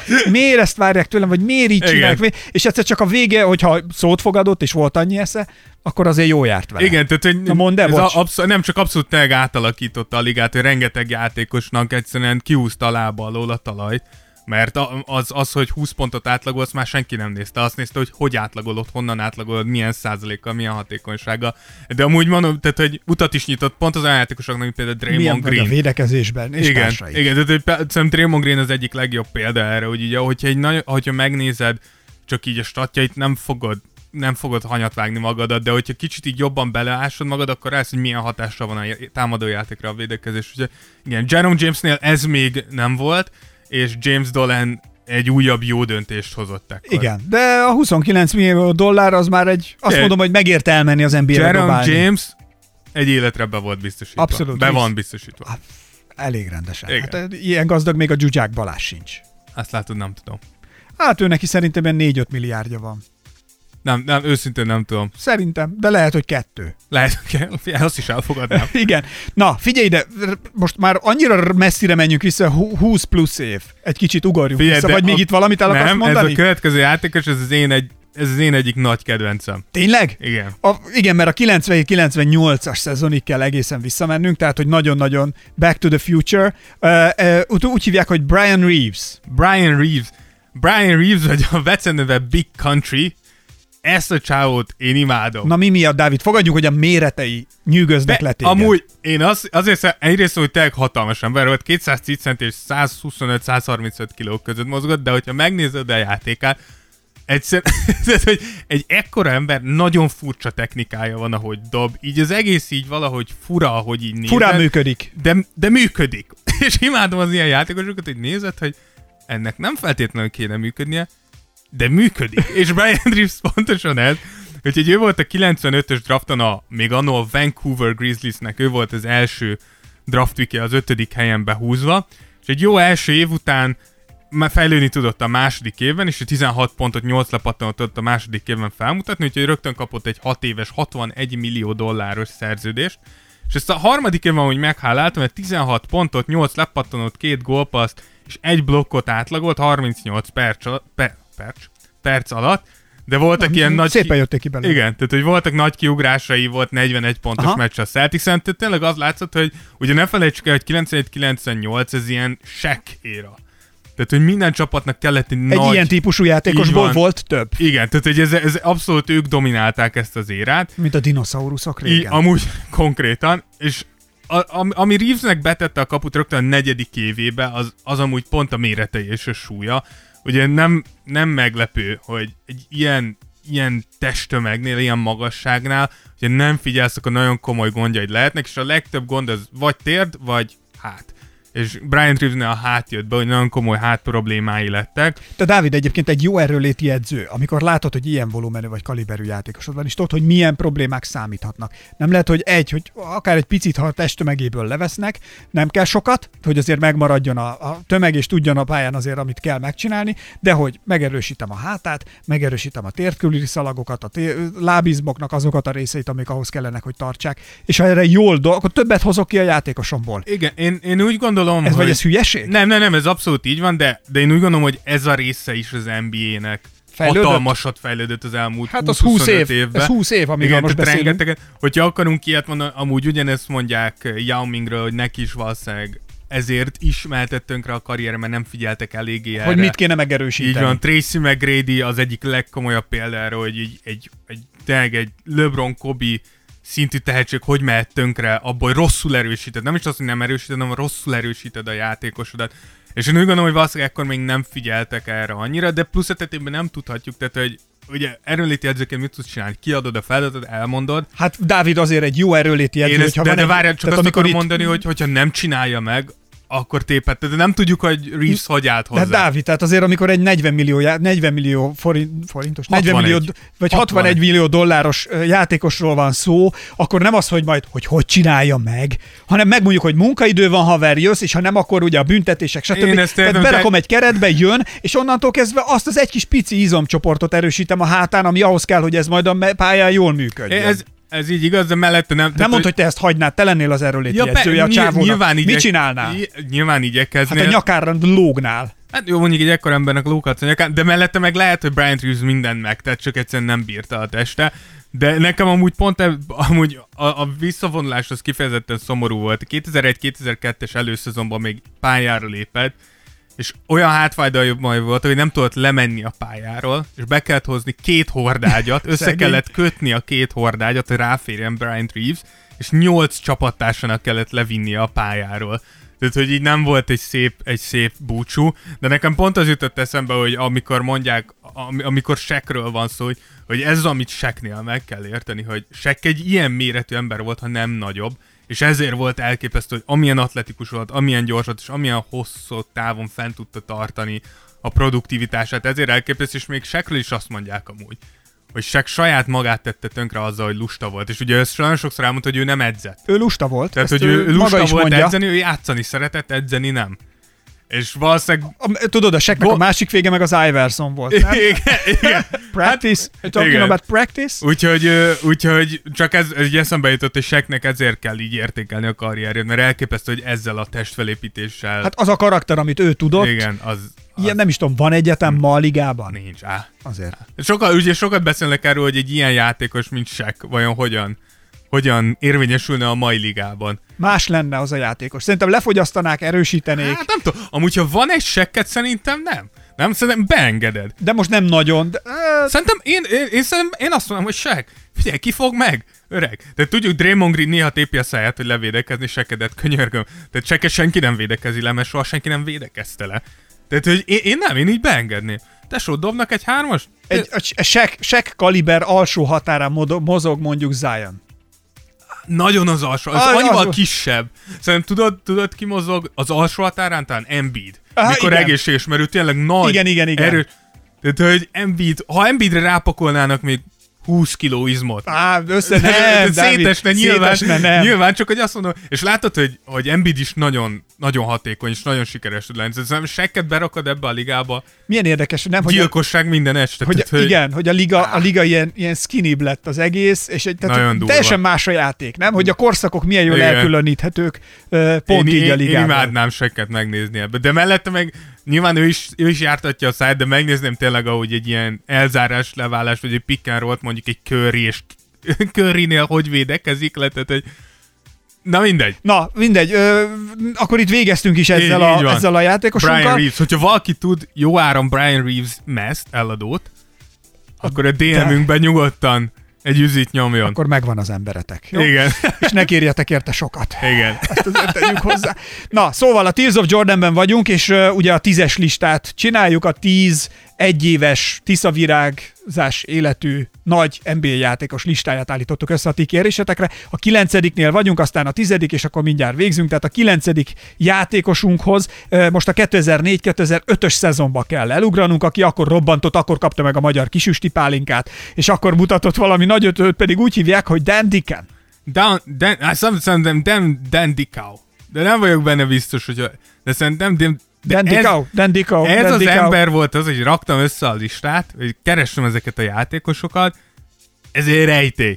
Tehát, hogy erről az emberről információt keresni, az így... azt a nőt kéne ráállítani, aki most Zion után. Körülbelül. Ő megtalálna mindent. Tehát, hogy vo- volt egy meglehetősen sikeres, de sérülésekkel tarkított ilyen egyetemi pályafutása, és 2002-ben így az első körben el is kelt, a Kings, Kings kiválasztotta, és tehát az első hat éve az, az szegény Dennek szörnyű volt. Így hat év alatt nyolcszor elcserélték. Tehát, hogy ez, ez, tényleg, ez tényleg már az, amikor így azt mondom GM-ként, hogy nézzétek, de nem cseréljük, mert ez volt már a hetedik cseréje. Most már hagy, hagyjön le egy picit. Szegény. De neki nem így jött össze, de a, ami, ami jól jött, hogy ki neki, hogy 2004-ben Dallas elcserélt a nyolcadik alkalommal, és New Orleansba kötött És ki. ez lett az ön nagy szezonja. Így van. Ez az év a kiugrás, ami miatt bekerülhetett a mi tízes listánkra. Igen, 2004-2005 Dan Dickau a, a New Orleans a 67 meccsen 13 pontot, 5 gólpaszt átlagolt, és ez így nem tűnik elképesztően soknak, de ez előtte való négy évben 2 pontot, és az utána való három évben, amíg a ligában 4 pontot átlagolt. Tehát, hogy így, így tényleg így, így vo- volt, volt lehetősége. Progress. Igen. Úgyhogy gyakorlatilag egy rejtély tényleg ez az ember. A, megnézem, hogy mire keresnek rá a legtöbben vele kapcsolatban, és a, leg, leg, legjobban keresett. Csak nem a felesége, de, Dávid. a Dan Dickhouse wife. Erre keresnek rá a legtöbben vele kapcsolatban, tehát hogy ekkora rejtély, hogy ő ki volt pontosan. Ez olyan, mint Kalambó felesége? Körülbelül olyan, mint Kalambó feleség, hogy egyszer így feltűnt, aztán nem sokat tudsz róla. Annyit tudunk, hogy utána edzősködött, kommentárkodott, és van egy borbély szalonja, Nagyon nagy. de utána tényleg, tehát, hogy meg se közelítette, de Dan egy tehát ő, ő egy rejtély az NBA-be, elhatároztam, hogy ezután, a podcast után még utána, megpróbálok utána nézni Dannek. És készül a Dan Dickau special. Az, az egy ilyen 7-8 perces adás lesz, úgy Esküszöm, figyelj, mekkora lenne. Tegyünk már ki, egy, csináljunk már egy 8 perces Figyelj, special hogyha és össze kitesszük. tudunk szedni 7-8 percnyi információt, akkor, akkor csinálunk egyet. Mekkora lenne. Megcsináljuk az antipodcastot. Igen, úgyhogy De- Danről ennyi igaziból. Oké, okay. elérkeztünk a tízes listánk utolsó, ez a nagy kilá fellángolások, ehhez viszont már tényleg 15 évet, bocsánat, 25 évet megyünk Igen. vissza a matekka, szóval 25 évet megyünk vissza a ligában, és elérkezünk Dana Barrowshoz. Igen, Dana Barros 94-95-ös szezonban pukkantott egy nagyot. Ugye Dana mindössze egy 180 centis 75 kilós irányító volt, aki 89-ben kezdte el a karrierjét, az első körbe a Sonics választotta ki, és itt is húzta le az első négy évét Gary Payton cseréjeként, meg kettesbe is játszott, nem igazán tartották a legjobb Nem is egyet. átlagolt túl sokat. Igen, 8-9 pontot tett, egy igaz ilyen percember volt. És az ötödik éve elcserélték Filibe, ahol, ahol az első évében 13 pontot, 5 gólpaszt rakott le az asztalra, és aztán a következő szezonban ott, ott robbant Dana, ott 20 pontot, 7,5 gólpaszt, 3,3 lepattanót, 46%-os triplázással sikerült egy éven át felmutatnia. Volt 50 pontos meccse a Rockets ellen, de volt tripla-duplája az Orlando ellen, és mindössze 9-szer, 82 meccs alatt mindössze 9-szer nem lépte át a 10 pontot. Tehát, hogy így, így hatalmasat ugrott a következő szezonra.